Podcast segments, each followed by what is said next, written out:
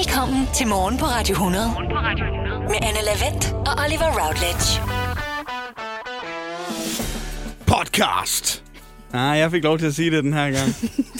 Nej, du er ikke klar. Du stod ved siden af mikrofonen. Jeg i var, sådan, jeg var slet ikke klar, det er allerede nu, men det er rigtigt. Det er Morgen på Radio 100.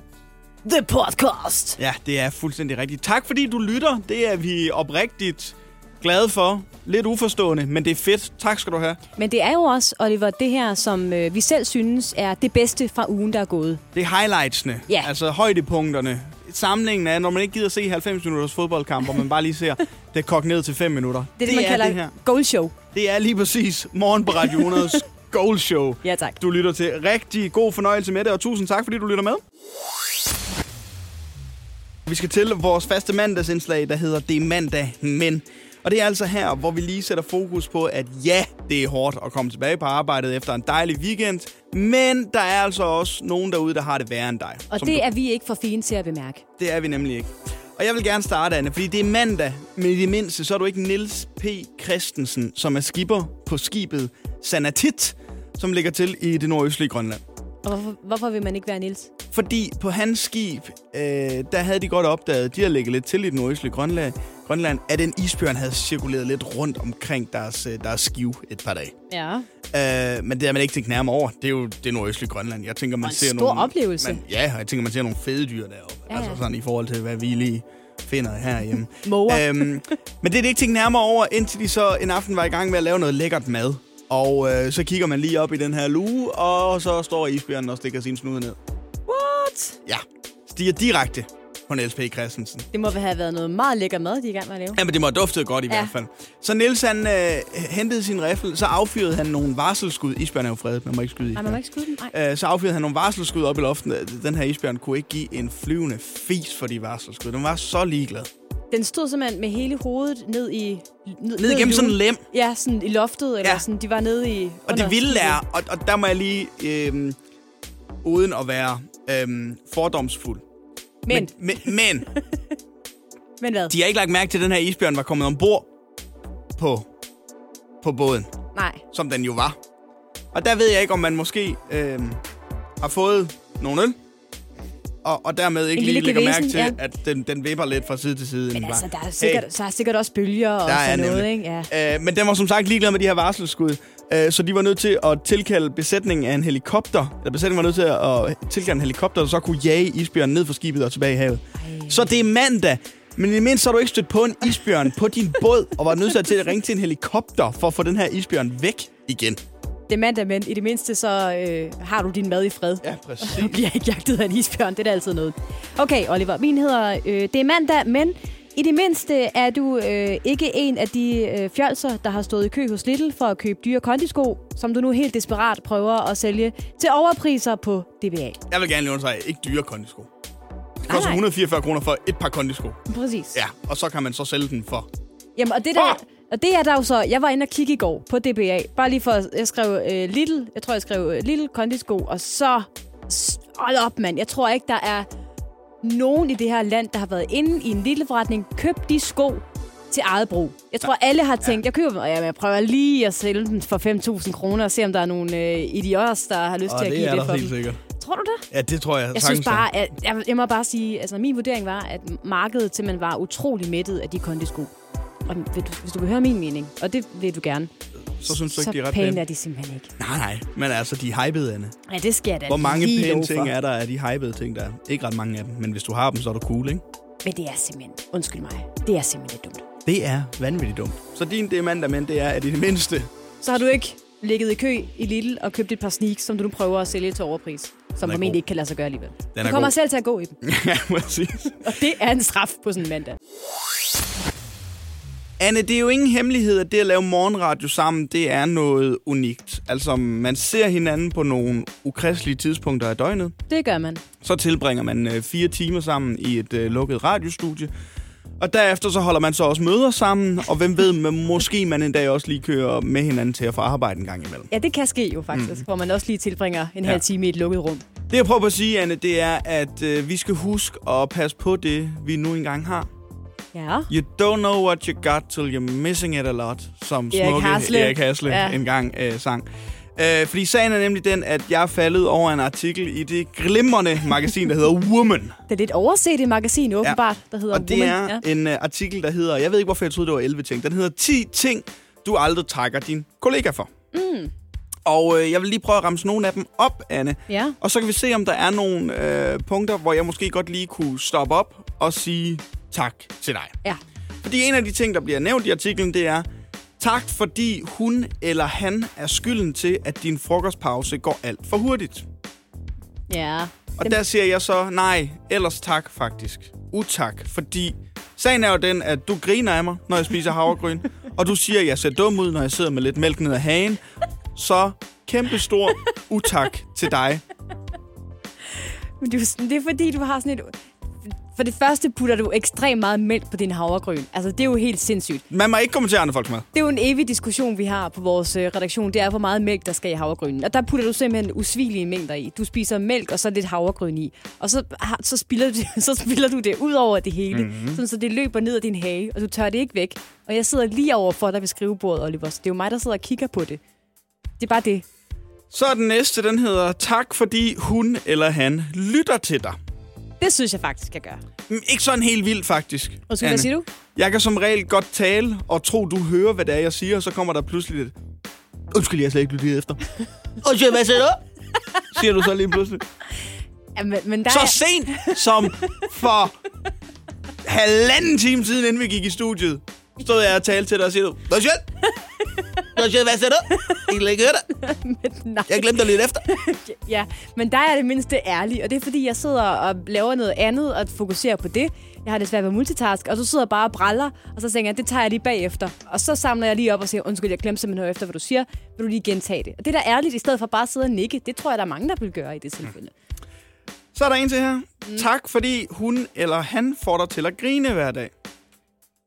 Det gør jeg. Men der synes jeg faktisk godt, du kunne takke mig lidt. Ah, Der synes jeg, du Oliver. Fordi, Anne, du får mig ikke til at grine med jokes som, ved du hvad Pink kalder store badedag? Pinkwashing. Det var det sjovt. Nej, jo, jo, se du griner nu. Ja, Den fandt jeg lige på ikke- her til morgen, inden det- vi gik i studiet også. det er af dig og ikke med dig. Hvad, hvad, sa- hvad sangeren Pink kalder stor badedag? Pinkwashing. Det er da sjovt. Jeg forstår- Nej, det synes jeg egentlig ikke, det Nå, okay. Så altså, når, når jeg sådan går listen igennem, Anne, øhm, der er der nogle ting. Øh, tak fordi hun eller han altid er der. Og det, det, og det, er da jeg. rart. Jeg er det er da rart. Ja. Du møder som regel op. ja, det gør jeg. Hvad det så er, der sker, når det er, du har mødt op. Det kan vi jo tage på et andet tidspunkt. Og dem, dem vil jeg godt sige tak for. Så, så tak, fordi du i hvert fald altid er her, Ja, Anne. som regel. Vi har endnu ikke fået lavet en uh, jingle, Oliver. Det Nej. må vi lige få arbejdet på. Ja, måske. Døgnrapporten. Skifter. Ja, flot. Sådan, den hedder lige selv. Og øh, i dag i døgnrapporten, der starter vi øh, på Bornholm, Oliver. Ja, Fordi der var simpelthen noget af et drama torsdag i sidste uge. Bornholms politi bliver kaldt ud til øh, to kalve og to lamager, der er på, og nu citerer jeg, springtur i øh, Klemmensker og Rutsker. Dyrene blev dog hurtigt indfanget igen, og der skete ikke noget. Andet end, at de var sluppet ud af deres indhegninger. Ikke? to lamager og to... To kalve, så det var ikke så rart på Bornholm at møde dem. Men der skete ikke noget heldigvis, og de blev altså indfanget igen. Nej, det var godt. Hold da op en sindsoprivende torsdag. Ja, der sker ting på Bornholm. Nordsjælland, lidt mere drama. Vi skal til øh, Hillerød, hvor en 13-årig dreng fra en by, der hedder Gørløse, øh, tirsdag eftermiddag omkring kl. 17.20 gik rundt i slotsarkaderne med en softgun. I første omgang troede en centervagt, at drengen havde stjålet den her softgun fra en nærliggende forretning. Ja. Derfor kontaktede vagten politiet. Det viser dog, at det var drengens egen Det var hans egen softgun, soft- som han gik og viftede med inde i det her øh, indkøbscenter. Så øh, patruljen kørte øh, den her 13-årige hjem til øh, den 13-åriges forældre og tog en rigtig god snak om reglerne for besiddelse af en softgun. Og det er lidt ubetænksomme i at gå rundt med den i det offentlige rum. Ja, ja. Og det kunne han efter sine godt se, at det måske ikke var så smart at gå og vifte med sin softgun i et, øh, i et indkøbscenter. Men også lidt sjovt, synes han. men også, også lidt spændende. Så skete der også noget den dag. Uh, vi kan også tage en tur til Østjylland, Oliver. Et ægtepar vågnede sidste uge om onsdagen, meget tidligere om morgenen klokken 6, ved et ordentligt brag. Det var ikke meningen, de skulle op der. Okay. Da de stod op, der kunne de se, at der simpelthen var sket det, En traktor var kørt ind i deres hus. Og det var altså på Østerkæret ved Forup. Og den havde lavet et kæmpe stort hul i muren ind til stuen. Ja, det gør de, hvis de kører ind i huset. Ja, traktor, det har det med at gøre. Traktorføreren var en øh, 24-årig mand, og da politiet kom frem, forklarede han, at han simpelthen var faldet i søvn over rettet, efter at have kørt rundt på en mark ved huset. Så øh, traktoren kørte af marken ind over en grusvej, og så ramlede den altså ind i den her mur hos det her sovende ægtepar. Hold da op. Den 24-årige kom heldigvis ikke til skade ved uheldet. Han blev dog sigtet for manglende agtpågivenhed. Det kan man roligt sige. Fordi han, har ikke udvist agt på givenhed. Nej, det har han simpelthen ikke. Hvis vi lige skal runde den sidste, øh, Sydsjællands og Lolland Falsters politi skriver, at øh, to børn i indskolingen, det vil sige mellem 0. og 3. Ja, mellem første og tredje klasse, tror Ja. jeg, for. Øhm, sidste uge gik, øh, gik på en udflugt fra deres skole i Haslev i Faxe Kommune. Og det vil sige, de gik altså væk Fra, fra, skolen. deres, ja, fra Ja. deres skole. Og så skriver øh, politiet, de medbragte en stor bamse på Ja. deres ekspedition ud i det ukendte. Politiet blev hurtigt tilkaldt, og heldigvis gav eftersøgningen på det efter en halv time, da patruljen fandt børnene tæt ved skolen. De to opdagelsesrejsende og deres bamse sluttede dagen vel tilbage i deres klasse. Det var. Det er meget noget med børn, der flygter fra, fra hvor de befinder sig i den her døgnrum. For. Det kan man så tænke lidt over. Ja, eller børn, der bevæbner sig Ja. med en softgun. Øh, vi skal en tur til Aarhus nu, Ja, tak. Og det skal vi, fordi der ligger en meget populær skov, der hedder Ris Skov. Ja, det er Hvor- også et område. Ja, ja, men det er også en skov, Ja. hvor man har lavet sådan et fitnessområde. Sådan, Nå. Man kalder det meget I skoven. passende fitness i det fri. Nemlig Ja. et træningsområde i skoven, som simpelthen er meget, meget velbesøgt. Der er bare lige det men, at øh, når folk så er i det fitnessområde og giver den rigtig god gas, Mm. så giver de den også gas andre steder. Og så boller de. Nej, nej, nej. Jeg gider det bare var det. Nej, så, øh, så sætter det gang i tarmsystemet. Ja, ja, ja. og så er de jo i en skov, hvor Ja. de tænker, vi er jo i det fri. Præcis. Det er gødning. Ja eller, da. eller, jeg ved ikke, hvad de tænker. Der sker i hvert fald det, at der er rigtig mange, der er rent udsagt øh, De skider i skoven. De skider i skoven. Ja, tak. Øh, i Det er skov- det rent udsagt. Lige, det, er, Ja. det er præcis, det, er præcis Det må jeg bare sige. det, jeg siger.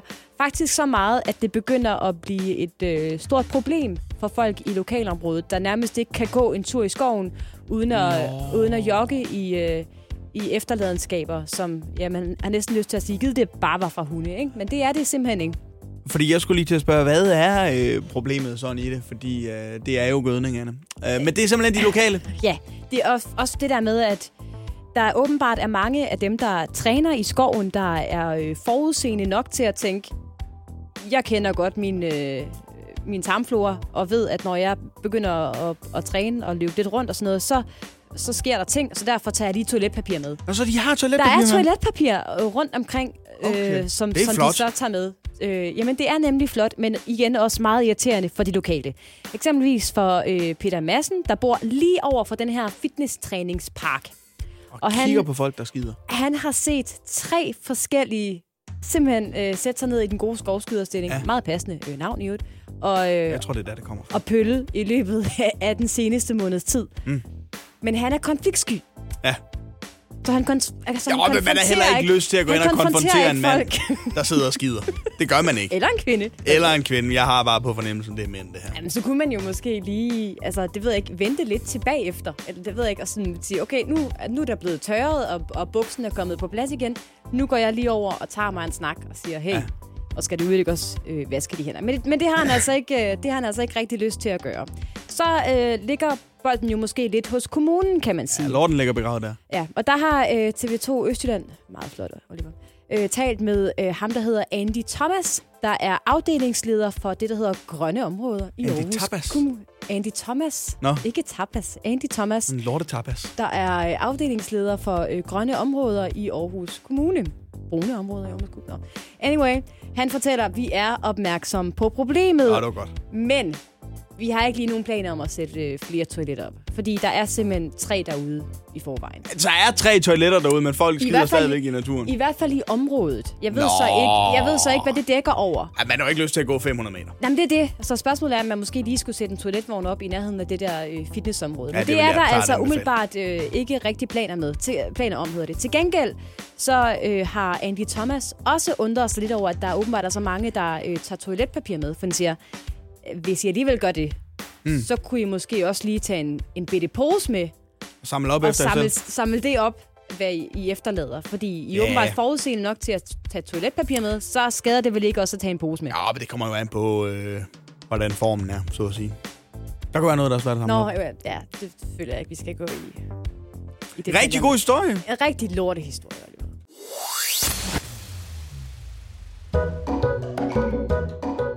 Og så er vi nået til den tid på ugen igen. Den tid, hvor Anne, du helt kæphøj tror, du fører med 80 point, men som altid bliver småirriteret over, hvor smal køberskaren er til dagens produkt. Det som alle ved, det bedste krejlerindslag i radiohistorien. Og hvordan kan jeg vide det? Med sikkerhed spørger I så. Det kan jeg, fordi det er en utrolig omfavnende quiz. Ikke nok med, det er vores praktikant, du skal kæmpe imod, Anne, så er det jo faktisk også muligt for dig, som lytter af det her fremragende stykke radiohistorie, Ah. at gætte med på dagens produkt. Alt du skal gøre, det er at hoppe ind forbi Instagram, tjek vores story, og så kan du se billeder samt en beskrivelse af produktet, I skal gætte prisen på i dag. Der står 2-2, Anne og Laura. Nej, der står 80-2 til mig. Hvad synes I om dagens produkt? I har været inde og små kigge lidt. Altså, øh, lad, mig, øh, lad mig tillade mig at tage en af Annes replikker og sige, jeg tror ikke, at køberskaren til det her produkt Laura? det er særlig stort. Skal du ikke hoppe med på den vogn? Jeg tror, du har fuldstændig ret, Laura. Ja, ikke? Det må jeg ja, sige. Ja. Jeg vil sige, det, det er noget skrald. Kan I beskrive, hvad I ser? Kan I beskrive, hvad I ser, Anne? En gammel bil. Okay. Det er simpelthen øh, det første, der lige falder mig ind, når jeg kigger på det her. En gammel, meget støvet, formentlig også lidt rusten bil. Der, den ligner, den har stået i en lade i 30 år, og ikke er Okay, blevet øh, ja. støvet af, Ja. eller sådan noget. Ja. Den har ikke kunne køre i rigtig mange år, den Nej. bil. Vil I gerne vide Det, jeg har lidt lidt, mere? men nu ser de noget, og det er uden at fornærme. Ligner lidt noget, der skal til skrot. Der sagde jeg det. Sådan. Hold da op. Bum. Og så siger jeg ikke mere nu. Okay. Jamen, den må du tage med Johnny i Viborg, som er dagens sælger. Okay. Og om produktet, der skriver Johnny, ladefund, skråstrej dødsbog. Nå, der sagde jeg noget med en lade. Gammel klassiker sælges. Bilen er købt fra ny og kørt kun med én ejer. Den har stået stille siden 1998 og trænger selvfølgelig til en kærlig hånd.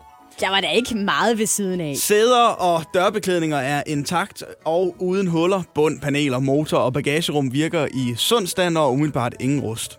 Der er rust i skærmkanter, torpedoplade og dørbunde samt bund på bagklap. En klassiker, som nægter at dø, som har stået stille siden 98. Spørgsmålet er bare, hvad sådan en klassiker skal koste. Med andre ord, hvad er det værd? Jeg har lige et opfølgende spørgsmål. Er det, er det bilen, der er et dødsbo? Nej. Fordi det kunne det, det, kunne det jeg faktisk. Altså, med al respekt selvfølgelig, men det kunne det lidt godt ligne. Det kunne det rigtig godt ligne. Sagen er den, at Laura, du vandt i sidste uge, Det gjorde jeg nemlig. så det er dig, der skal Hallo? gætte først. Hold ty gætter først. Okay. Okay. Okay, det kan jeg godt lide. Du kan også Jeg trække kan- det sammen og sige holdty. men det besøger du selv. Ja. Jeg kan godt lide, at øh, den her sælger har valgt at bruge ordet umiddelbart foran mange ting. Ja. Umiddelbart ingen rust. Det er en helgardering. Det er ligesom, Ja. det er ligesom når vi i øh, nyhederne siger angiveligt. Ja. Det, der holder vi det også ud i strakt arm, ikke? Okay. Ja. Ja. Ja. Vi skal bruge noget, Ja. nogle priser. Vel? Ja. Øhm, Laura? Jeg føler mig lidt sat tilbage her, fordi jeg har jo aldrig nogensinde ejet en bil. Nej, Så øh, jeg ved ikke rigtigt, ellers. hvad, hvad priserne på biler er. Selv, Jeg skulle prøve det, ja. selv en Opel Kadett, som jo er en klassiker. Ja, men det er nemlig en klassiker. og øh, har kørt 61.000 km. Aner ikke, hvor meget det er. Er det meget? Er det lidt? Jeg ved det ikke.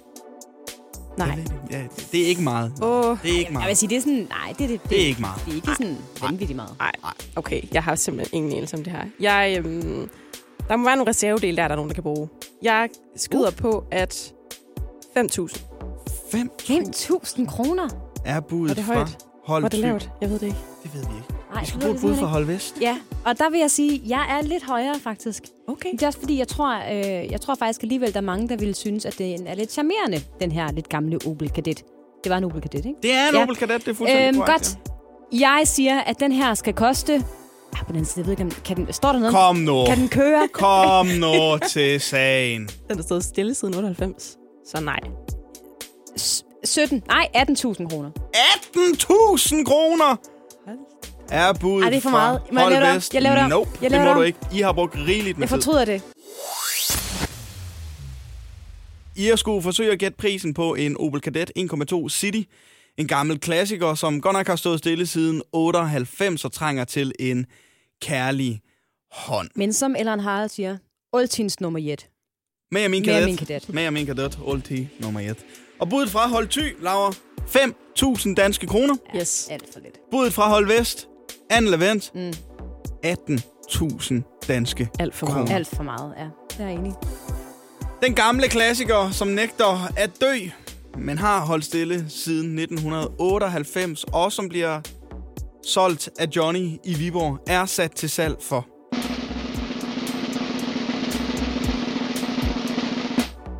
14.000 kroner. Anne Levent.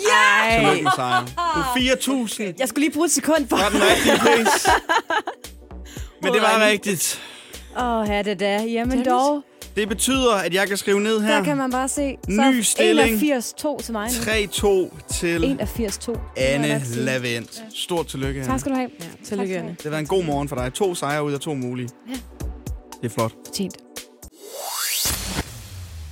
Jeg er jo, i hvert fald øh, du og jeg, Anne, den øh, mest øh, moderigtige person. Det kan der ikke være tvivl om. What? Jeg har den, der er styr på de nye trends. Nej, det er du simpelthen ikke. Og alligevel, da vi så i går på vores redaktionsmøde øh, besluttede, at vi skulle tale om øh, de her nye Lidl-sko, som er ekstremt hyped og bliver videresolgt for rigtig mange penge, så kom der en person ind fra højre, øh, vores praktikant Laura, og sagde, hey, hey, hey, I aner ikke en skid om det her. Det er mit shit. Så, Og det var præcis de ord, Ja, hun brugte. så altså, Så street er jeg nemlig. Ja. Laura, ja. så, må du, så må du se, hvad du kan gøre ved det her. Ja, Altså. I, altså, især dig, Oliver, siger jo, at I er super meget med på moden. Også lidt dig, Anne, ikke? Men alligevel ser jeg, der er ikke nogen af jer, der har de nye lille sko på. Anne, hun er så meget med på måden, at hvis hun godt kan lide en t-shirt, så køber hun fire af dem. Det er korrekt. Ja. det er korrekt. Jeg har også den samme jakke i tre forskellige farver. Ja. Tak fordi du spørger. Men nej, jeg har ikke de nye lille sko. Nej. Men øh, frygt dig til jer, der har sovet i timen. Fordi at, Og øh, ikke lige fået fat i dem. og ikke lige nået at få fat i de meget populære sko. Fordi at der er, det er stadig muligt at købe dem. Der er rigtig mange til salg, kan jeg afsløre, inde øh, på blandt andet DBA. Ja, for jeg skulle lige til at sige, i butikkerne er de helt væk, Totalt udsolgt. Ja, der kan man ikke Ja. købe dem mere. Ja, Så det er man skal ribbet. ud på det sorte marked. Ribbet. Hele kollektionen faktisk. Der er en helt lille kollektion. Mm. Mm. Ja. Med tøj også. Badesutter, net, you name it. De har det hele. Strømper. Fede lille strømper. De Fede lille fede. strømper. Jamen, Ja. er- Hvornår er det her blevet trendigt? Det forstår jeg simpelthen ikke. Her Hvad- over weekenden. Hvad er der sket? Nå, men det er bare i weekenden. ja. Et par dage, så var det, så var det inde. Jeg føler, som om jeg er gået på weekend, og så kommer tilbage, og så er Lidl bare Hmm. et nyt modebrand. Men det der jo så er, er at øh, folk de sætter simpelthen øh, de har primært de har sko til salg mm. til absurd høje priser. Ja. Helt op til 10.000 kroner er de her sko sat til salg. Og så vidt jeg husker, så kostede de sådan omkring 110 kroner i butikken, da man kunne købe dem. 111 for at være Ja. meget specifik. Yes, Ja. okay. Yes. Øh, og så er det jo, jeg ikke kunne lade være med at tænke, kan det virkelig lade sig gøre at sælge dem her til så mange penge? Ja. Derfor så lavede jeg lige lidt feltarbejde i går. Ringede lige øh, ud til nogle af øh, de øh, mennesker, som har sat øh, de her sko til salg ja. på. DBA. Øh, for lige at høre, hvordan går det med salget? Ja. Med det her scoop af, af en kondisko. Det de var ikke, fordi du selv var interesseret i at købe dem. Det var det ikke. Det blev jeg måske. De Ja. prøvede i hvert fald rigtig meget at sælge det til mig, faktisk, kan jeg afsløre, da jeg snakkede med dem. 8.000 kroner, Laura. Så er det ja, din. Kom ja, nu. lige præcis. Og det, det har jeg jo mange penge. Jeg har jo mange penge. Jeg er studerende, så jeg trænger til at brænde nogle penge af. Du Øhm, tjener også godt i det her job, ikke? Ja. jeg, jeg snakkede først med en mand, der hedder Kenneth, og øh, han har rigtig meget succes med at sælge lille skoene. Jeg tror, det er fordi, at han har valgt at sætte den salg til den nette pris af 350 kroner, hvilket jo faktisk er ret billigt sat i forhold til mange af de andre. Ja, prøv at høre en gang, hvad han siger. Vi var i Sverige i weekenden, øh, alligevel mig og min kone, og så øh, skulle vi ind i Lidl og købe nogle sodavand med hjem til Danmark. Og så så jeg, at der var øh, en, øh, en stor øh, kasse med de her grimme gummisko fra Lidl. Og så synes jeg, at jeg om lørdagen havde læst et eller andet om, at de var helt vildt hyped. Og så øh, fik jeg bare den spontane idé, at så, her, så tog jeg bare, hvad der lå i kassen, og jeg tror, at øh, Ja. ja. jeg fik omkring 16-18 par med hjem. Øhm, så det var egentlig sådan bare lidt en tilfældighed. Så, øh, så det er ikke nogen, du øh, har haft nogen intentioner om selv at skulle bruge? Jeg havde, jeg havde tænkt mig, at mine to piger gerne ville have et par hver, øh, men øh, de, de synes simpelthen, de var grimme. Sygt nok at komme hjem fra Sverige med 18 par Lidl-sko. Det er også yes. Fedt, at han var sådan, de er utrolig grimme. Men okay, jeg, tog, hvad, jeg lukkede øjnene og tog, hvad der var, og så fik jeg dem med til Danmark. Ja. Kenneth og hans børn, de synes simpelthen, de er lidt grimme. Men de tænkte, det er en god business. Det sælger. Jeg må så sige, hvis jeg var i kendes sted, jeg kan ikke afvise, at jeg måske havde gjort det samme, 100%. faktisk. Fordi det der med, jeg synes, det er noget andet at, at lægge sig i kø, eller, eller stå nede foran en lille butik helt desperat, og de åbner, og så løbe ind og tage dem. Men når han alligevel har været inde for at købe nogle tænkte, der er masser af de sko, som folk de kører til overpris i Danmark. Der kører lige et par stykker med hjem. Dem snupper jeg. Ja, det er meget godt tænkt egentlig. Præcis. Øh, så, øh, så snakkede jeg faktisk også lige med en kvinde. Og, øh, og det, der har hørt faktisk en meget sjov øh, historie med til, øh, til hendes øh, køb. Altså, det sjove var jo faktisk, at jeg har, vi har, jeg har, jeg har, jeg er lige kommet til Danmark og har boet i Helsinki. Ja. Ja. Øh, og Lidl er jo vældig øh, stort deroppe i forhold til her, vil jeg sige. Så de har reklameret med at faktisk uddele gratis sko og gratis tøj som reklame. Okay. Så vi har faktisk fået dem gratis på gaden. Så jeg har jo haft de her sko stående faktisk i noget tid. Okay. First Så, øh, mover. Så hun har Ja. ja. simpelthen haft dem stående og fået dem gratis. I Finland, der kaster de simpelthen de her sko helt gratis øh, i nakken på folk. Og øh, det fede er her jo, at øh, den her kvinde, hun har valgt at sætte skoen til salg til den nette pris af 7.000 Nej. kroner. Nej, nej, nej, nej, nej, nej. Åh, jeg får det så dårligt. Hvordan går det, spurgte jeg hende så. Er det, altså, er, der det, er det? realistisk sat, det her? Ja. Ja. Hun sagde til mig, det er måske lidt naivt, men man skal jo sætte den højt. Så, Ja. ja. så kan man jo håbe på, at man kan få Bare 5.000 bare, kroner. bare 5.000 for dem. Så altså, så vidt jeg forstår, så dem, der sælger de her sko, de ved godt, det er hypet. De ved det godt. De ved godt, det er hypet. Men de synes alligevel, det er lidt sjovt at give det et skud. Se, hvor, hvor, øh, hvor meget de kan sælge den her utrolig grimme gummisko. Efter sådan et feltstudie her, har du så en opfordring nu, hvor du har talt med nogle sælgere eller noget, Laura? Er det noget, du sådan siger til folk? Ja, jeg vil øh, sige, at mit bedste råd her er, prøv at høre, det her det er en trend. Den går af mode om to uger. Lad være med at bruge 10.000 kroner på dem, please. Hjælp en, du holder af med at tage det første skridt til bedre hørelse. Få et gratis og uforpligtende hørebesøg af Audionovas mobile hørecenter. Så klarer vi det hele ved første besøg, tryk dig nemt i eget hjem. Bestil et gratis hørebesøg på audionova.dk eller ring 70 60 66 66. Åh, oh, ja, det er blevet den tid. Det er det altså bare. Det er onsdags Olfert tid, Oliver, og øh, jeg har æren i dag. Og jeg vil gerne give min onsdags Olfert i dag til øh, danskernes, vores køkultur. For nu er det sådan, at jeg har stået, skråstreg, siddet rigtig meget i kø den seneste uge. Og lad mig bare sige det sådan, det har ikke alt sammen været en udpræget fornøjelse. Blandt andet fordi det jo er lidt nederen at stå i en lang kø i Netto. Og at sidde i en lang kø på motorvejen. Typisk Fyn. Fyn, ja. Men noget andet er, at alle simpelthen har meget, meget travlt med at komme foran på andres bekostning. Ja. Og så vil jeg gerne lige høre, om du måske kan genkende det her. For eksempel de der biler, når man sidder i kø, Nej, På det kunne- Fyn. Nej, det kan jeg ikke. der skifter ikke vejbane genkende. hele tiden, for lige at komme en enkelt lille bil foran. Fordi de Nå, nu går, det hårdere, nu går det hurtigere over i højre vejbane. Nå, nu går det hurtigere over i venstre vejbane. Så de pendler frem og tilbage, uden egentlig at komme sådan specielt meget længere frem i køen. Eller den der situation i Netto, eller Føtex, eller Rema, eller hvor man nu handler, hvor man står i en to kilometer lang kø til kassen, og der er så en, der siger, åbner en kasse herover. Og der så er et eller andet menneske, der kommer, der ikke har stået et sekund i kø, men bare kommer ind fra højre og siger, Nå, hvor dejligt, du lige åbnede. Og så står der en to kilometer lang kø øh, og har lange narse, selvom de jo egentlig i princippet var deres tur til at komme til i den næste kasse, ikke? Jeg er et øh, meget stedigt menneske. Det tror jeg flere øh, i min omgangskreds kan skrive under på. Mm. Det vil sige, når jeg blandt andet holder i kø i, øh, i bilen eller på motorvejen, så når jeg har valgt min vejbane, så har jeg valgt min vejbane. Præcis. Ja, Ja. og så, så tænker jeg, det kan godt være, det går langsommere nu, det kommer måske til at gå hurtigere øh, følgende. Jeg gør altid det, jeg holder øje med, når, jeg, når, når køen starter, så kigger jeg lige på den bil, der er til højre ved til siden af, venstre ja. for mig. Mm. Fordi så føler jeg, at jeg kan holde øje med, hvilken vejbane er hurtigst her. Men jeg holder min vejbane, og så har jeg det sådan, når jeg overhaler den bil, der så måske har øh, været foran mig, fordi så rykker højre vejbane lige pludselig hurtigere end venstre vejbane. Så er jeg sådan lidt, jeg har valgt rigtigt. Så der holder jeg altså til øh, mit eget spor. Åben kasse i Netto. Nej, der må du ikke være i tvivl om. Det er simpelthen ikke Jeg fair. kender godt køkulturen. Jamen, prøv at høre. Men problemet altså, og er, lad os, bare aftale, lad os bare aftale kollektivt. Der er en meget lang kø over ved den ene kasse. Ja. Du kan godt se, der bliver snart åbnet en kasse mere. Så må det da være den, der har stået længst tid i kø ved den kasse, der får lov til at lægge sine varer op på båndet ved den nye kasse. I Jeg stedet for, at der er en eller anden, der kommer og siger, Nå, hov, var der en åben kasse her, hvor dejligt. Og så bare lige gå ind foran alle andre. kommer ikke mig til, fordi at når jeg handler i den netto, der er ved mig, den Mhm. er helt ny. Ja. Eller den Føtex, der er ved mig, der er øh, selv tjek ud. Skal han selv kasser? Scan selv kasser. Ja. Så den bruger jeg bare. Okay. Og så er, det, så, så er det irriterende. Der synes jeg, det er irriterende at stå og vente på folk, der ikke kan finde ud af at bruge øh, scan selv, selv kasser. ja. Jamen, det Men jeg kan sagtens forstå frustrationen, når man er flyttet til et nyt sted i København, der ikke engang har scan selv kasser. Hold da op, mand. Hvad er det for net? Ej, det vil jeg sige, det er langt de fleste butikker, der ikke har øh, scan selv kasser endnu. Ah, ikke på Vesterbro. Nej, men, men kan vi ikke godt blive enige om, at Jeg er det, enig. det er helt fair at sige, prøv at høre, du har stået i kø meget lang tid.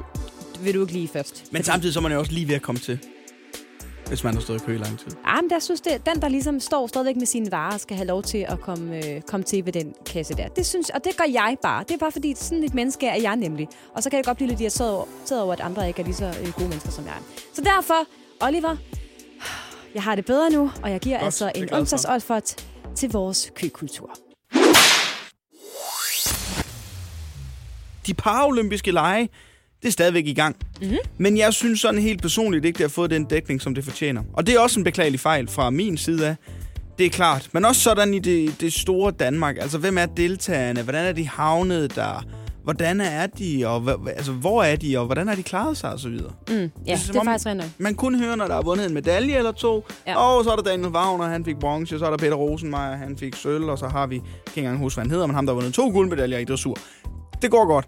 Men det simple spørgsmål, som kan være lidt øh, sværere at finde svar på, i forhold til PL, i hvert fald, som mm. det jo hedder. Og jeg vil gerne have nu, Anne, at du skal møde Marlin. Marlin er øh, født i Australien. Han har spillet bordtennis i mange år fra, øh, fra Kina, undskyld.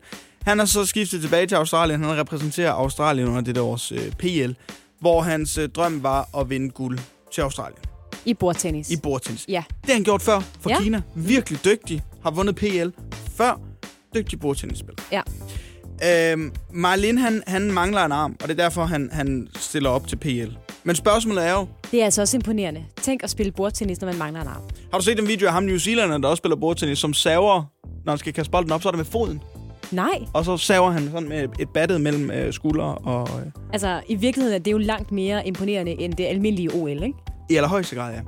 Men altså, hvordan mistede han sin arm, tænker man? Altså, hvordan, hvordan er de deltagere, Ja, der er med til PL, hvordan er de havnet i de situationer, hvor det her er sket med deres kroppe? Det har jeg faktisk også tænkt på, mm. altså, fordi det kan jo være alt. Det kan jo være øh, noget, der er medfødt. Det kan også være ulykker, der er sket undervejs. Det kan være ja. sygdom, hvor man har været nødt til at, Mhm. at, at få amputeret nogle øh, lægemstele eller andet. Marlin, øh, han... Øh, ja, men lad mig tage dig med i zoologisk have, Anne. Fordi øh, det er nemlig her, episoden den øh, fandt sted. Ja. Fordi som ung, så kom Marlin meget i sin øh, lokale zoo, hvor han hurtigt blev fascineret af de bjørne, der var der. Det er også et synes, de fascinerende var, dyr. Han Ja. synes, de var spændende. Ja. Fantastiske. Mhm. Øh, specielt en bjørn blev Marlene altså venner med. Han, han sagde, de, de er jo venner, de to. Han kom der meget. Jeg ved ikke, hvordan han genkendte, at de var venner. Altså, om, om det var fordi, hver gang han stod der, så kom den her ene bjørn hen, eller ej. Men i hvert Eller fald... den begyndte at give fadøl i byen, eller... Hvad ved vi, ikke? Vi kan ikke vide det. De kunne godt lide hinanden ifølge Marlin. Ja. Og så var der en dag, hvor øh, Marlin, han altså synes, det ville være passende. Nu var tidspunktet kommet, hvor han skulle kæle lidt for den her bjørn. Ja, Uh, så han stak uh, hånden ind. jeg kan næsten regne ud, øh, hvor det her det ender. Stak hånden ind igennem, ind igennem hegnet, eller hvad det var. De her barriere. Um, og de var bare ikke så gode venner, Bjørn og Marlin, som Marlin troede, de var. Åh oh, nej. Så, øhm, så Marlins hånd røg, røg, røg, røg i det køb der. Og det er derfor, han mangler en hånd, Marlin. Så det er simpelthen, fordi han blev venner med en bjørn. Troede han, Han troede, de var, han, han troede altså, de var venner. Ja. klappe, eller give en high five eller Ja. andet, og så endte det altså med, at den bjørn ikke synes, at, at Marlene var så god en ven. Okay, Hvad yder mere sindssygt er i den her historie, Anne? ja. Så skulle Marlin selvfølgelig på hospitalet. Og ifølge alt, hvad jeg kan læse op omkring Marlin, så blev han fragtet til hospitalet i en taxa, og ikke en ambulance. en taxa? Ja. Nå, Det, det er jo bare lige... det er meget stille og roligt. Ej, det er også synd for dig. Det skal vi da have nogen til at kigge på det der. Kom, jeg hører lige en vogn til dig. Så kan du komme ind på. Det er altså en vild historie. Jeg har lige fået bidt min øh, hånd af, men Ja. jeg tager bare en taxa ind til skadestuen. Det er og okay. sådan er det bare. Ja. Nå, hans drøm var at vinde guld til PL for Australien. Det blev til sølv. Det er også flot. Det er også rigtig flot, ja. Ja, prosit. Tak skal du have. Det var en god historie. Er du allergisk over for bjørn? ja, det tror jeg. Det er blevet tid til Hvad i alverden? Vores udenrigsmagasin her i morgen på Radio 100, fordi vi er et program med internationalt udsyn og indblik. Fordi, Oliver, der sker hele, hele tiden tiden ting ting ude i verden, verden. som vi bliver nødt til at forholde os til, hvad, end vi kan lide det eller ej. Og i dag skal vi en tur til Wales, som jo har det meget karakteristiske grønne og hvide flag med en rød drage på. Ja. Og det er netop den her røde drage på det valisiske flag, der er omdrejningspunktet for udenrigsmagasinet Hvad i alverden i dag. En gruppe borgere i Wales er nemlig gået i gang med en kampagne, hvor deres formål, kort sagt, er at få tilføjet en penis til den røde drage på flaget. Okay. Det, Det er meget... Det, det synes Yes. de, det synes de simpelthen øh, mangler på dragen, så de er derfor gået i gang med en underskriftsindsamling for at få de valisiske politikere til at øh, drøfte sagen, og i hvert fald lige diskutere, om det ikke ville være en god idé at, øh, at, påf- at, at øh, påføre en penis, at give den et lem, den her øh, røde drage, der jo er kendetegnet for det valisiske flag. jeg tror, der sker det her, Anne, at øh, du er faldet for en historie, der er fra 1980'erne. Fordi det her, det lyder ikke som noget, man kan gøre i 2021. Ja, ja, Simpelthen ja, at tage et nej. nationalsymbol og sige, at den skal være mere mandet. Jo, det, øh, det sker lige nu. Og jeg kan fortælle dig, at ideen opstod cirka for fem års tid siden, Nå. hvor øh, den møntproducent, der hedder Royal Mint, lavede et par jubilæumsmønter med den karakteristiske drage på, hvor de altså havde tilføjet en penis.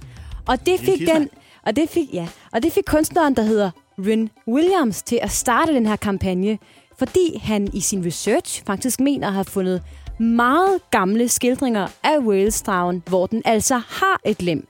Og han mener altså, at det her lem på dragen hjælper nationen med at udvise dominans og lederskab. Så han synes altså, og det er et citat, han synes det er synd, at dragen er blevet kastreret på den her måde. Og jeg har lige brug for at... Fordi øh, en pik bare er en demonstration på øh, lederskab og dominans, mand. Fordi det er det dominerende køn, kan jeg godt fortælle dig. Det er der åbenbart nogen, der synes. Jeg, kan lige, øh, jeg har fundet et billede af den der øh, mønt fra Royal Mint, hvor de altså havde dragen på. Med, Med- et læn. Ja. Og nu prøver jeg lige at vise dig det. Så vil jeg gerne lige have, at du beskriver, hvordan det ser ud. Her er dragen.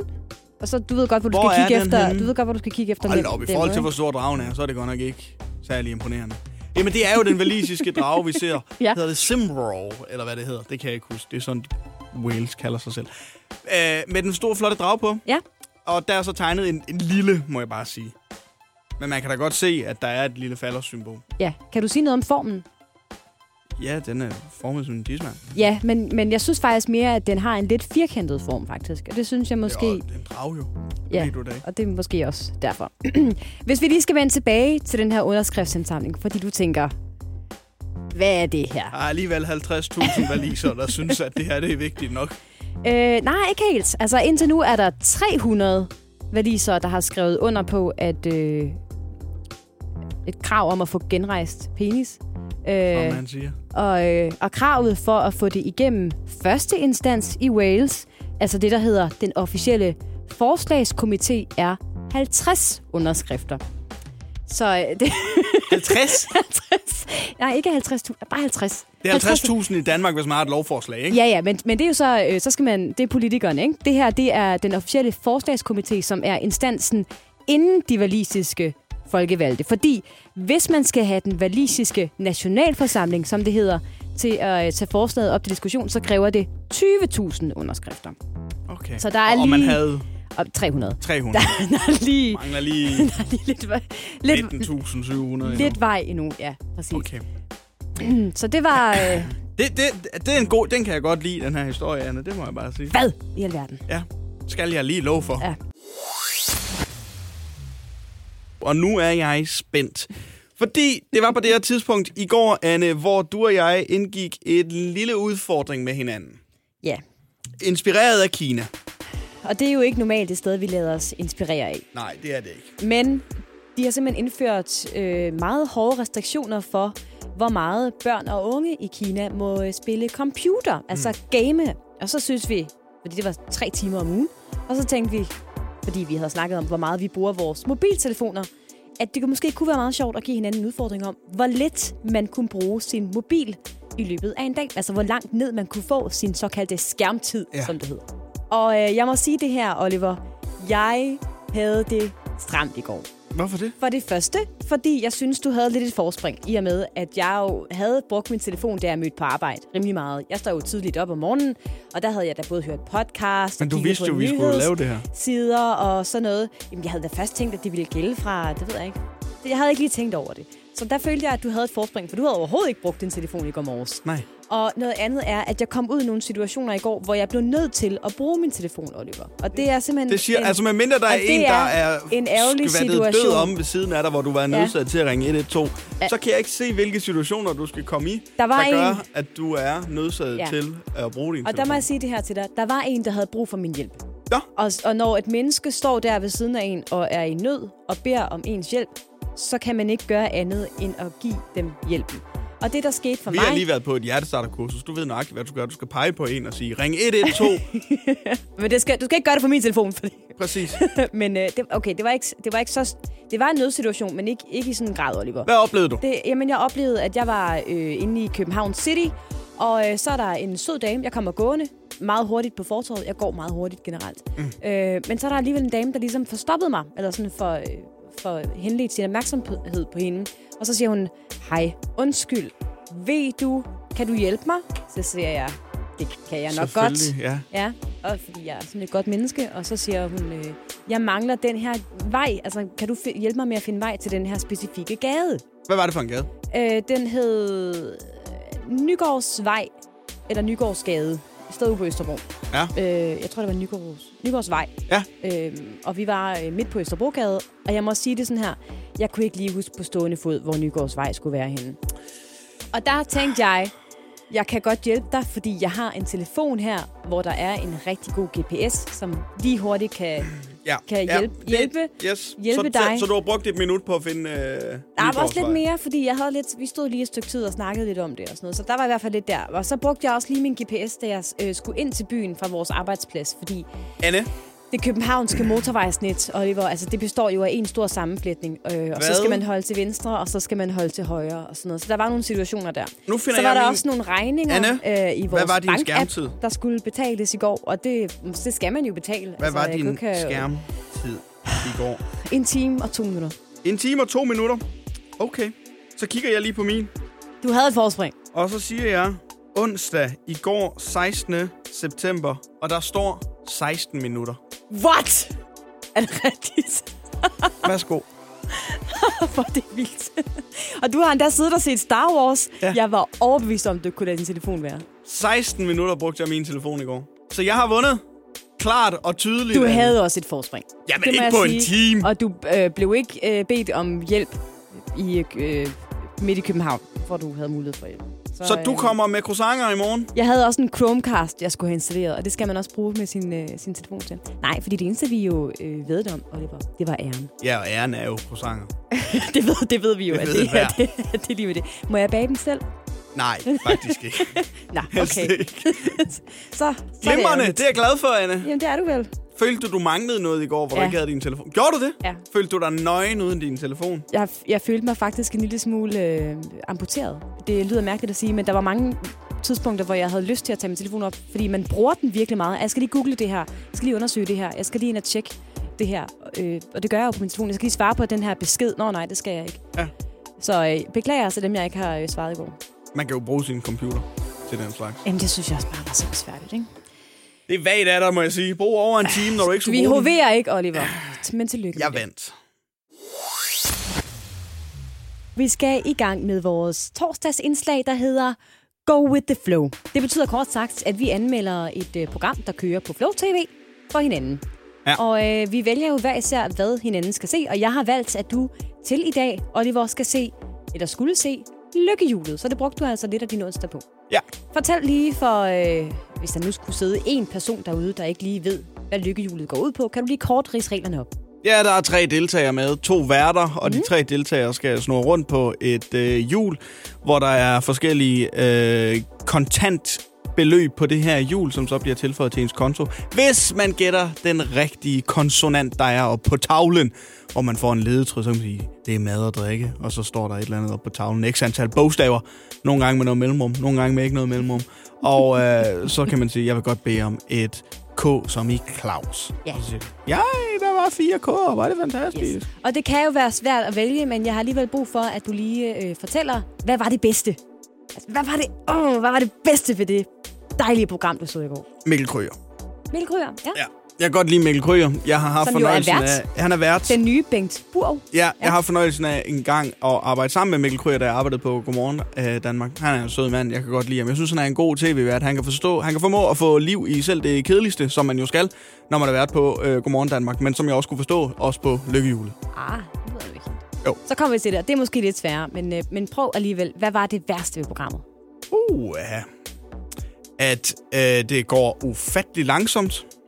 At der er... Øh, jeg synes, at det er en meget underlig værtsfordeling, der er i programmet, hvor Mikkel Kryger er hovedverden, men alligevel ikke helt, fordi Kenya, Kenya, Kenya, ja. der også er med... Kenya Natasha Rørbæk. Ja, som også er med, øh, hvor man tror, hun er med for ligesom at vende bogstaverne, øh, eller trykke på knappen, øh, når de kommer op til de her bogstaver. Men hun er også lige nede og vide noget om alle deltagere, som siger, ej Søren, jeg ved jo, du går til gospel, som vi så fik at vide i går, at Søren han gjorde. Ja, det er rigtigt, Kenya, det har jeg går til gospel, og det gør jeg. Ja. Og så ved jeg også, at du spiller frisbee-golf. Ja, det er rigtigt, det gør jeg. Altså, jeg synes, det er en meget underlig værtsfordeling, der er i øh, programmet. Du har ret. Altså, det er... det- Mikkel Kryger er selvfølgelig hovedverden, men Jamen, øh, Kanya Natasha Rørbæk er også medvært. Altså hun vender ikke bare, eller trykker ikke bare på bogstaver, ligesom øh, Kategorina i sin tid gjorde. Nej, og så vil jeg sige, Anne, øh, det er naturligvis et øh, program, der bliver vist på TV2 Charlie, det her. Det er det. Kanalen for overflødig tv, der ikke er godt nok til TV2's hovedkanal. Ah, det, TV2 Charlie øh, har faktisk mange rigtig gode programmer. Nævn 60. Lykkehjulet. Ja. Og øh, der er jo forskellige kategorier til de her øh, lykkehjuls... Øh, jeg ved ikke engang... Til hvad- ordgåderne. Til ordgåderne, Ja. ja. Var det ord, du Og øhm, det slår mig øhm, som om, at det var lidt, øhm, lidt, lidt mandehørmet program, det jeg øh, så i går. Ja. Fordi den ene øh, kategori, det var det her. Ledetråden til den her runde er noget, vi sikkert alle sammen godt kan lide. Dejlige damer. Nå ja, hold da op. Dejlige damer Hold da op. var ja. øh, den ene. Og Så er vi på Charlie. den næste kategori var så, Ledetråden er, som man siger.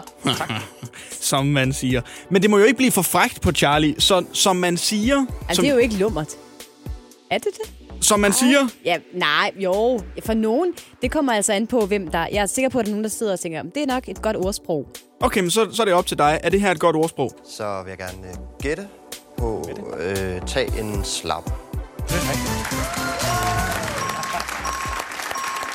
Det er da fint. Som man siger, tag en slapper.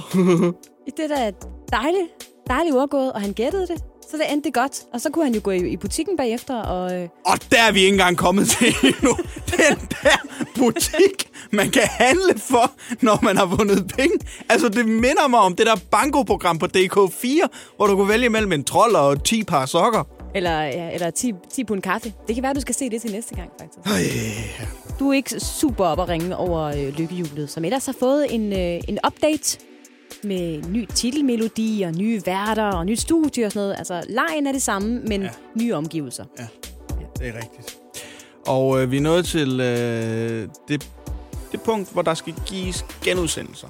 Ja, Og det er jo et TV2 Charlie-program, så det skal nok blive genudsendt. Bare rolig. det gør det. Øh, der, der bliver ikke lavet så mange nye øh, sæsoner. Til gengæld så sender de lykkehjulet. Jeg tror faktisk, det er hver aften. To ja. afsnit. Så Ja, der men bliver, det tror jeg også, de gør, fordi jeg fandt genudsendt ud af, at det afsnit, der i går kørte kl. 18.40 på Ja. øh, TV2 Charlie, var fra sæson 1, og der er tre sæsoner af Lykkehjulet. Ja, og der, er lige, de er lige i gang med at få produceret nogle flere. Så genudsendelser Det er behøver der... de ikke. Så, jo, så genudsendelser er der nok af, men spørgsmålet er, Oliver, hvor mange genudsendelser vil du gerne give lykkehjulet, som altså kan ses på TV2 Charlie? Min opfattelse af Lykkehjulet var, at det må være et sjovere program at være med i, end det er at se på.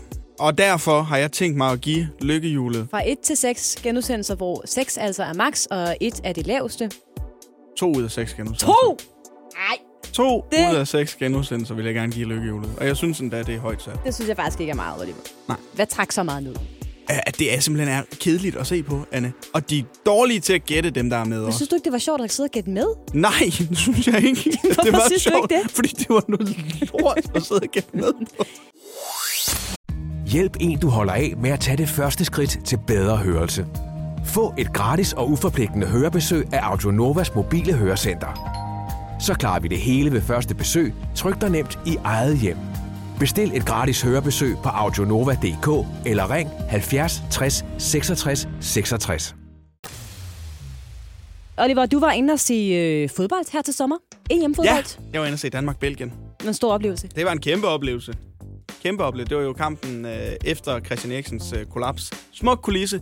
Øh, tror aldrig, jeg kommer til at opleve en fodboldkamp øh, på samme måde igen. Jeg skal lige øh, have er det, genopfrisket. Hvordan var det nu, den kamp endte? Vi tabte 2-1. Okay. Men vi kom foran 1-0. Ja. Ret hurtigt. Mål af Josef Poulsen. Og det var dejligt. Og så skal jeg lige høre, og du skal kigge mig dybt i øjnene her, Oliver. Ja. Det kan jeg se, du gør allerede. Det er dejligt.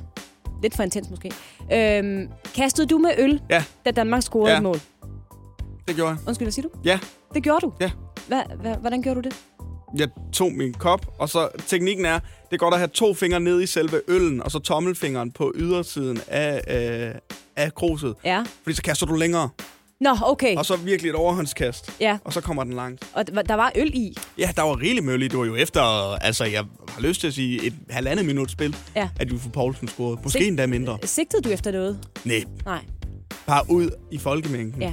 Og det skal du holde op med, Oliver. Nej. Og det skal alle Nej. andre, der kaster øh, øl til vores landskampe i øvrigt også gøre. Nej.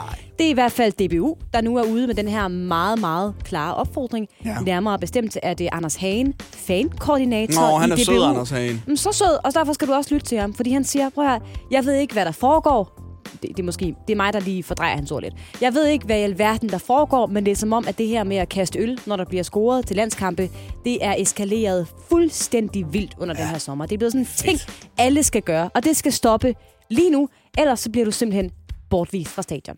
Ja, du har hørt rigtigt. Okay. Anders Hagen, Hagen siger ligesom, dem, der kaster med øl under øh, landskampene, de bliver bortvist fra nu af. Fordi det koster simpelthen DBU rigtig, rigtig mange bøder, når folk mm. de kaster med øl. Mm.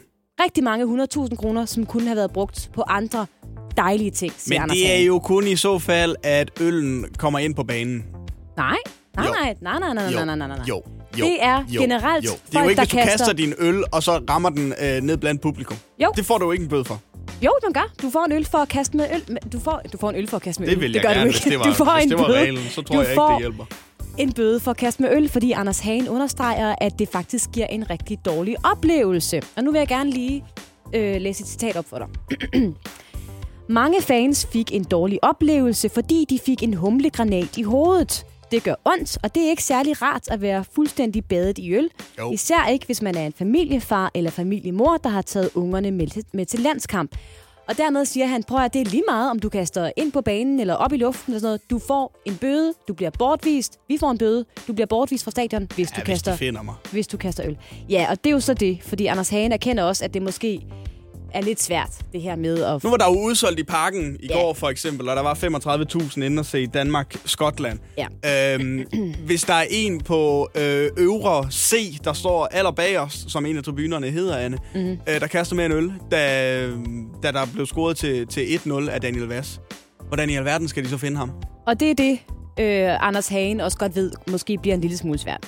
Han øh, anerkender, at det kan blive svært at få fat i, me- i de mennesker, der øh, kaster med øl, hvis der er rigtig mange, der gør det på samme tid, for eksempel som under EM. Men han understreger også, at der altså er et stort fokus på det, Det var da godt. og at man vil prøve at sørge for, Ja. ja. at det får konsekvenser for dem, der gør det. Og så det siger han jo også, apropos, hvis man kaster øl ind på banen, så kan det også få sportslige øh, konsekvenser. Det kan være, at man bliver sanktioneret for fratrykket point og alt muligt. Ja. Fordi UEFA er også meget sur Nå, over men her. det kunne ligne UEFA at ja. øh, blive sanktioneret for at kaste øl, men ikke at blive sanktioneret for at være racistiske. Hvad?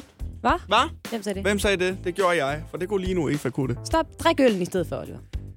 Jamen, det er fordi, Anne, det er bare så fedt. Har du nogensinde Det stået på et stadion, fedt. hvor der er blevet scoret til 1-0 i en EM-slutrunde mod dem, der ligger nummer 1 på verdensranglisten?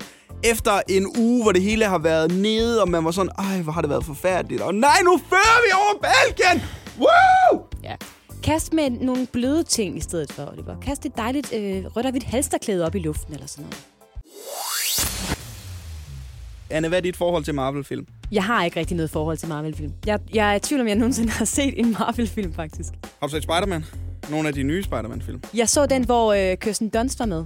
Det er ikke Marvel der gang. Var det det, Elias? Jamen, Det var de gamle Spider-Man-film. Okay, dem, øh, Som, som i dem så realiteten er en del af Marvel, men ikke det her nye Marvel-filmiske univers. Godt, så har jeg ikke noget forhold til det. Og godmorgen, Elias Godmorgen. Elliot, vores øh, kære kollega, som vi har lukket øh, lidt tidligere op end normalt. Lidt tidligt ud af sengen. Ja. Eller, nej, det er det faktisk ikke. Jeg blev vækket som vanligt af min, med mine to små piger. Men jeg, jeg skyndte mig ud af døren tidligere, end jeg plejer. Ja. Og det er vi glade for. det er vi det er rigtig også. glade for. Elias, du er her, fordi du har været inde og se Shang-Chi Ja. and the Legend of the Ten Rings. Ja, Skal man krydse sådan sammen i ansigtet, når man siger det? Shang-Chi. jeg, jeg, jeg tror det ikke. Nej. Jeg tror, at du er sådan lidt småracistisk lige nu, Oliver.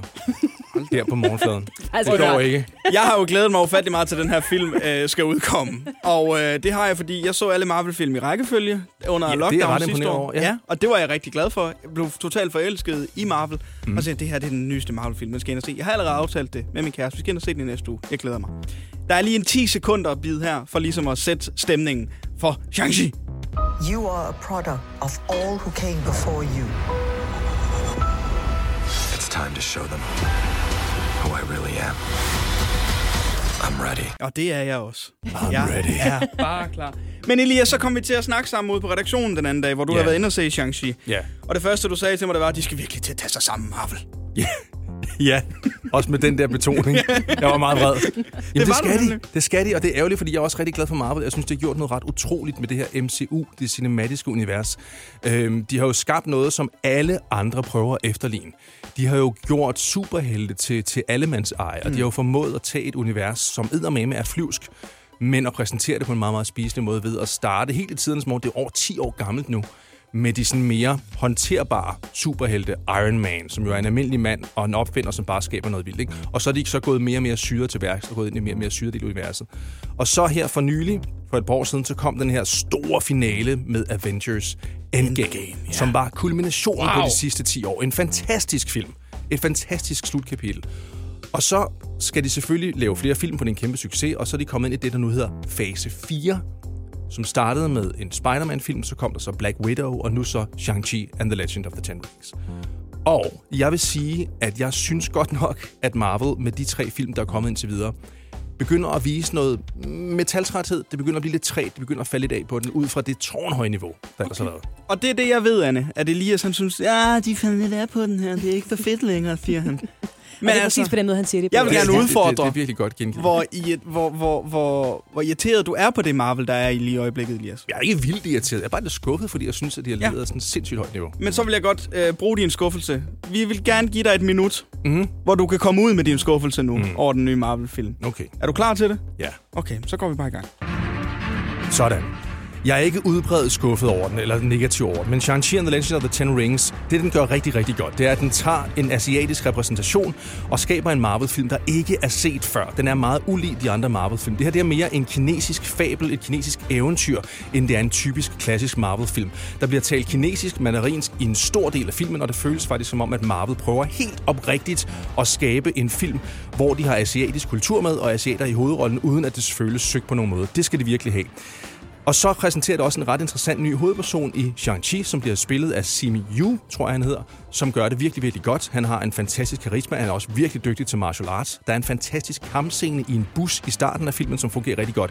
Problemet er, at filmens plot starter cirka en time ind i filmen. Man får aldrig rigtig noget forhold til hovedpersonen, selvom han gør det rigtig godt. Hvilket betyder, at når filmens forløsning kommer hen mod slutningen, så er jeg bare sådan lidt generelt ligeglad. Og det er desværre det, der sker med filmen. Jeg bliver ret ligeglad.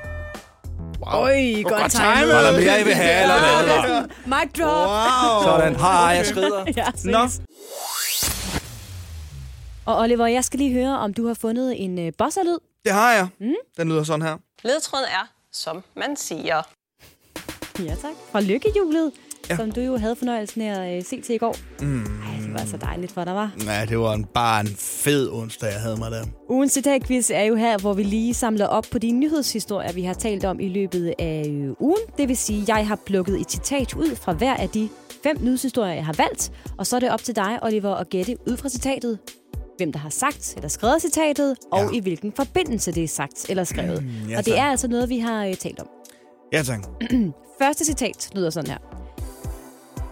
Der er stort fokus på det, og man vil prøve at sørge for, at det får konsekvenser for dem, der gør det.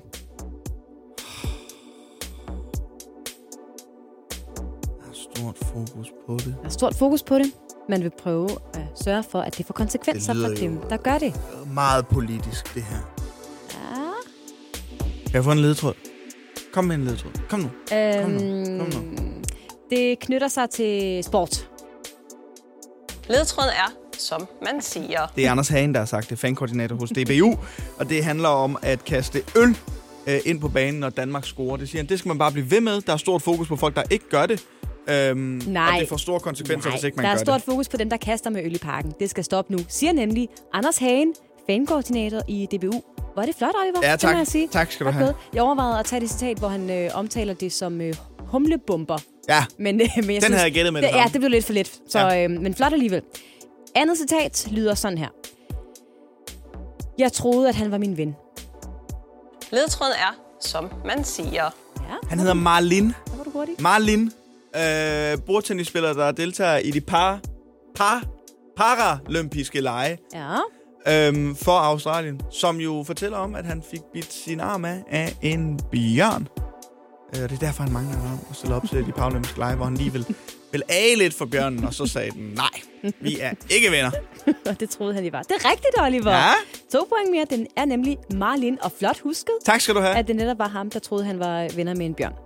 Øh, til gengæld klarede han sig jo flot i, øh, i bordtennis ved de paralympiske lege. Ja. Så tillykke med andenpladsen, fik han vist. Ja, det gjorde han i en eller anden kategori. Ja, Det er jo delt op i forskellige kategorier, det der. Fint med det. Han fik sølv. Det er flot. Tredje citat lyder sådan her. I år er det ekstra vildt. Jeg kan nærmest ikke sove om natten, fordi det klør så meget. Hvad? I år er det ekstra Fordi det vildt. klør så Jeg meget. kan nærmest ikke sove om natten, fordi det klør så meget. Ledtråden er, som man siger. Et sat. Ja? Det er Christiane Schamburg Møller, der har sagt det. Fordi hun har døjet med nællefeber igennem mange år. Hun har lige fundet ud af, at det er nællefeber. Og, øhm, og det, er, det er ekstra vildt i år, hvor det klør rigtig meget. Det er også rigtigt, Oliver. Altså, jeg noterer her, at du har fået 6 point ud af 6 mulige indtil videre. Hvor er det flot. Der er øh, to citater tilbage, Oliver. Det kan Henter være, du kan- croissanter, hvis jeg får øh, 10 ud af 10 point? Er der med dig, de croissanter? Nej, men, men så, så... Jeg giver en high five. Ej, jeg vil gerne have croissanter. Ja, det, det får du ikke.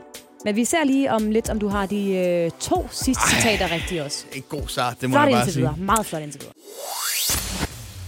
Og stemningen, den er da godt nok høj her i studiet, Oliver. Det må jeg sige. Ja, det er den altså bare.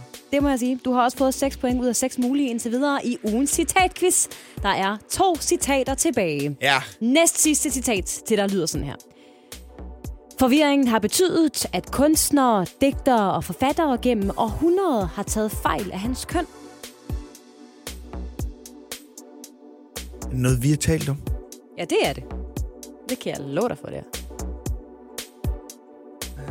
Forvirringen har betydet, at kunstnere, digtere og forfattere gennem århundreder har taget fejl af hans køn. Åh! Oh! Frygtelig historie. Ledtråden er, som man siger. Oliver? Du ved godt, hvad det er. Du skal bare lige komme i tanke om det. Altså, jeg, jeg, jeg tror jo... Og det kan jo godt være, at jeg tager fejl nu. Det kan godt være, at det er et eller andet, der er fuldstændig åbenlyst, som jeg har glemt. Men jeg tror... Jeg har noget om, at det er øh, det handler om øh, Wales' flag og den drage, der er på deres flag, om at de gerne vil have indført en penis på, på, på flaget. Kan du lige øh, sige det igen? Undskyld, hvad? De vil gerne have indført en penis på dragen på det valisiske flag. Tilføjet en penis. Ja, de vil gerne have tegnet en penis. De vil gerne, de vil gerne give dragen på det valisiske flag en penis. En penis, ja. Øh, det er, hvad historien handler om. Det er rigtigt. Det er det, historien handler om. Det Yes! er... Hvem har sagt det her? Rin Williams. Reese Williams. Rin, Rin Williams. Ham er kunstneren, der står bag øh, borgerforslaget. Lovforslaget. Oliver, det er rigtigt. Han hed, hvor er det godt husket. Han hedder Rin Williams. Ja, Kunstner, tak! Og altså i front for kampagnen i Wales, der skal sørge Uh! for, at øh, dragen på det valisiske flag får øh, tilføjet en, øh, en penis, så man kan se, hvilket køn dragen er. Jeg, jeg noterer her, hvad, jeg kan slet ikke overskue, hvor vi kommer til. Du har fået 8 point Ud af hvor mange mulige? ud af 10 mulige, og der er to tilbage her at hente. Sidste citat lyder sådan her. Det er meget uhensigtsmæssigt og ret ulækkert. Huh? Og ret ulækkert. Det er meget uhensigtsmæssigt og ret ulækkert. Hmm. Og det kan jeg kun give ret i. Det var noget værre noget. Nå, Ja. nej. Jeg prøver at arbejde på en øh, ledetråd, jeg kan give dig uden at sige for meget. Det handler om... Øh, vi er i hvert fald i Aarhusområdet. I Aarhusområdet. Ja, Nej, den er fuldstændig glemt, den her. ja. Åh, oh, hvor irriterende. 5, 4, 3, 2, Stop! 1. Og stop. Giv mig lige en ledtråd mere. Ja, du, får- du, ligeglad får, ikke, du får ikke point. Ja. Øh, jeg kan give dig en ledtråd og sige, at det handler om, øh, om nogle motionister. Ja, selvfølgelig. Det er folk, der skider i skoven ude i Rigskov. det er det nemlig. Åh. Og øh, ham, der siger, at det er uhensigtsmæssigt og øh, ret ulækkert, det er ham, der hedder Andy. Andy Thomas, Andy Thomas. afdelingsleder for øh, grønne områder havde i jeg ikke- jeg Aarhus, havde der altså fortæller, at motionister de øh, simpelthen øh, har afføring øh, midt i øh, rig skov, og det er typisk folk, der bruger træningsområderne, som ikke lige kan finde ud af at bruge toiletterne også. Ja. Og han havde en opfordring, kan du huske, hvad det var? At det er så lad være med at skide skoven, men også være med at skide skoven. til dem, der alligevel havde toiletpapir med. Nej. Tag lige en pose med os. Nå Samle, ja, samle lige op, ligesom Ja. vi gør ved jeres Ja, øh, hunde. Ja, præcis. Okay, så jeg fik 8 point. 8 ud af 10 mulige. Det synes jeg er fint. Det er mere end godkendt, Oliver. Ja, tak skal med det. Anne, jeg vil gerne tage dig med en tur til øh, min hjemstavn for en kort stund. Ja, til Øhm, Nordjylland. Ja, vi skal faktisk rundt til to forskellige steder i Nordjylland, hvor der er cirka to timer imellem de to steder.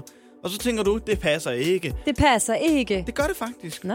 Lad mig øh, først og fremmest tage dig med en tur til Skawi. Eller Skagen for jer, som hvad? ikke forstår dansk. Skawi. Skawi. Kan der i det det? Mm-hmm. Som sagt, Skagens for jer, der ikke forstår dansk. Fordi i Skagen, øh, der er man simpelthen bare nogle rigtige kammerater. En øh, række af Skagens restauranter, caféer og bar, de har besluttet at byde øh, Body Love velkommen tilbage til øh, byens natliv. Ved selv at lukke kl. 22 i dag. Jeg forstår ikke, hvad det er, du siger. Du siger, Body Love, Body Hvad? Holly. Der er en Body Holly det i er et Skagen. diskotek.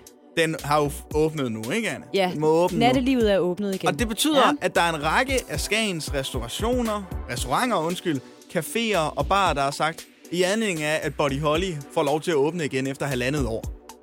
Så lukker vi kl. 22, og så håber vi på, at vores gæster flytter festen over på Body Holly. Nå, okay.